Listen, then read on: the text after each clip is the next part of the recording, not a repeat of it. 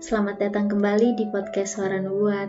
Kita masih membaca dalam buku Iman dan Perbuatan bab pertama bagian ketiga dengan judul Ide yang membingungkan keadaan keselamatan. Apakah kita tidak dapat mengerti bahwa hal yang paling mahal dibayar adalah dosa? Hanya dalam suatu hati nurani yang murni dapat merasakan harga kehilangan kemurahan Allah dan memisahkan jiwa darinya dan akhirnya akan kehilangan surga. Dosa mendukakan roh kudus Allah dan berjalan berlawanan dengannya telah membuat banyak orang kehilangan jiwanya.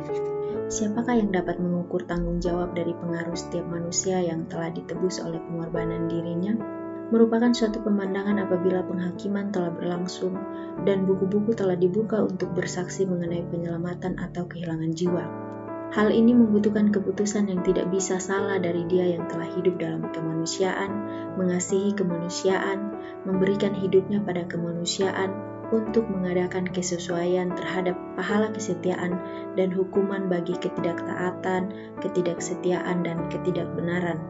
Anak Allah telah diberikan kepercayaan untuk mengukur semua tindakan dan tanggung jawab setiap manusia bagi mereka yang telah mengambil bagian dari dosa orang lain dan telah bertindak melawan keputusan Allah, maka hal ini menjadi pemandangan yang sangat buruk.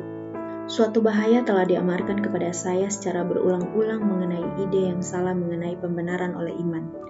Selama bertahun-tahun telah ditunjukkan kepada saya bahwa setan akan bekerja dengan cara khusus untuk membingungkan pikiran kita dalam hal ini. Hukum Allah telah tinggal dan dibawakan ke dalam jemaat-jemaat, hampir sama dengan keperluan pada pengetahuan akan Yesus Kristus dan hubungannya dengan hukum dan persembahan yang diberikan oleh Kain. Kepada saya telah ditunjukkan banyak orang yang telah tertahan dalam imannya karena ide yang tercampur baur dan membingungkan mengenai penyelamatan, karena para pendeta telah bekerja melalui cara yang salah dalam menjangkau hati. Suatu hal yang telah ditekankan bertahun-tahun ke dalam pikiran adalah kebenaran Allah. Saya bertanya-tanya apakah hal ini tidak dijadikan bahan untuk ceramah di dalam gereja di seluruh daratan ini, karena hal ini dengan rutin telah disarankan dengan sangat kepada saya untuk memasukkannya ke dalam setiap ceramah dan pembicaraan-pembicaraan yang saya berikan pada orang lain.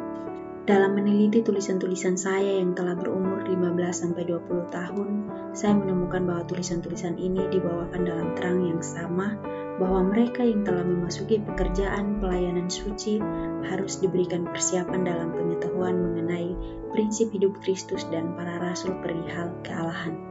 Mereka akan dididik dengan dasar kuat akan iman yang bekerja.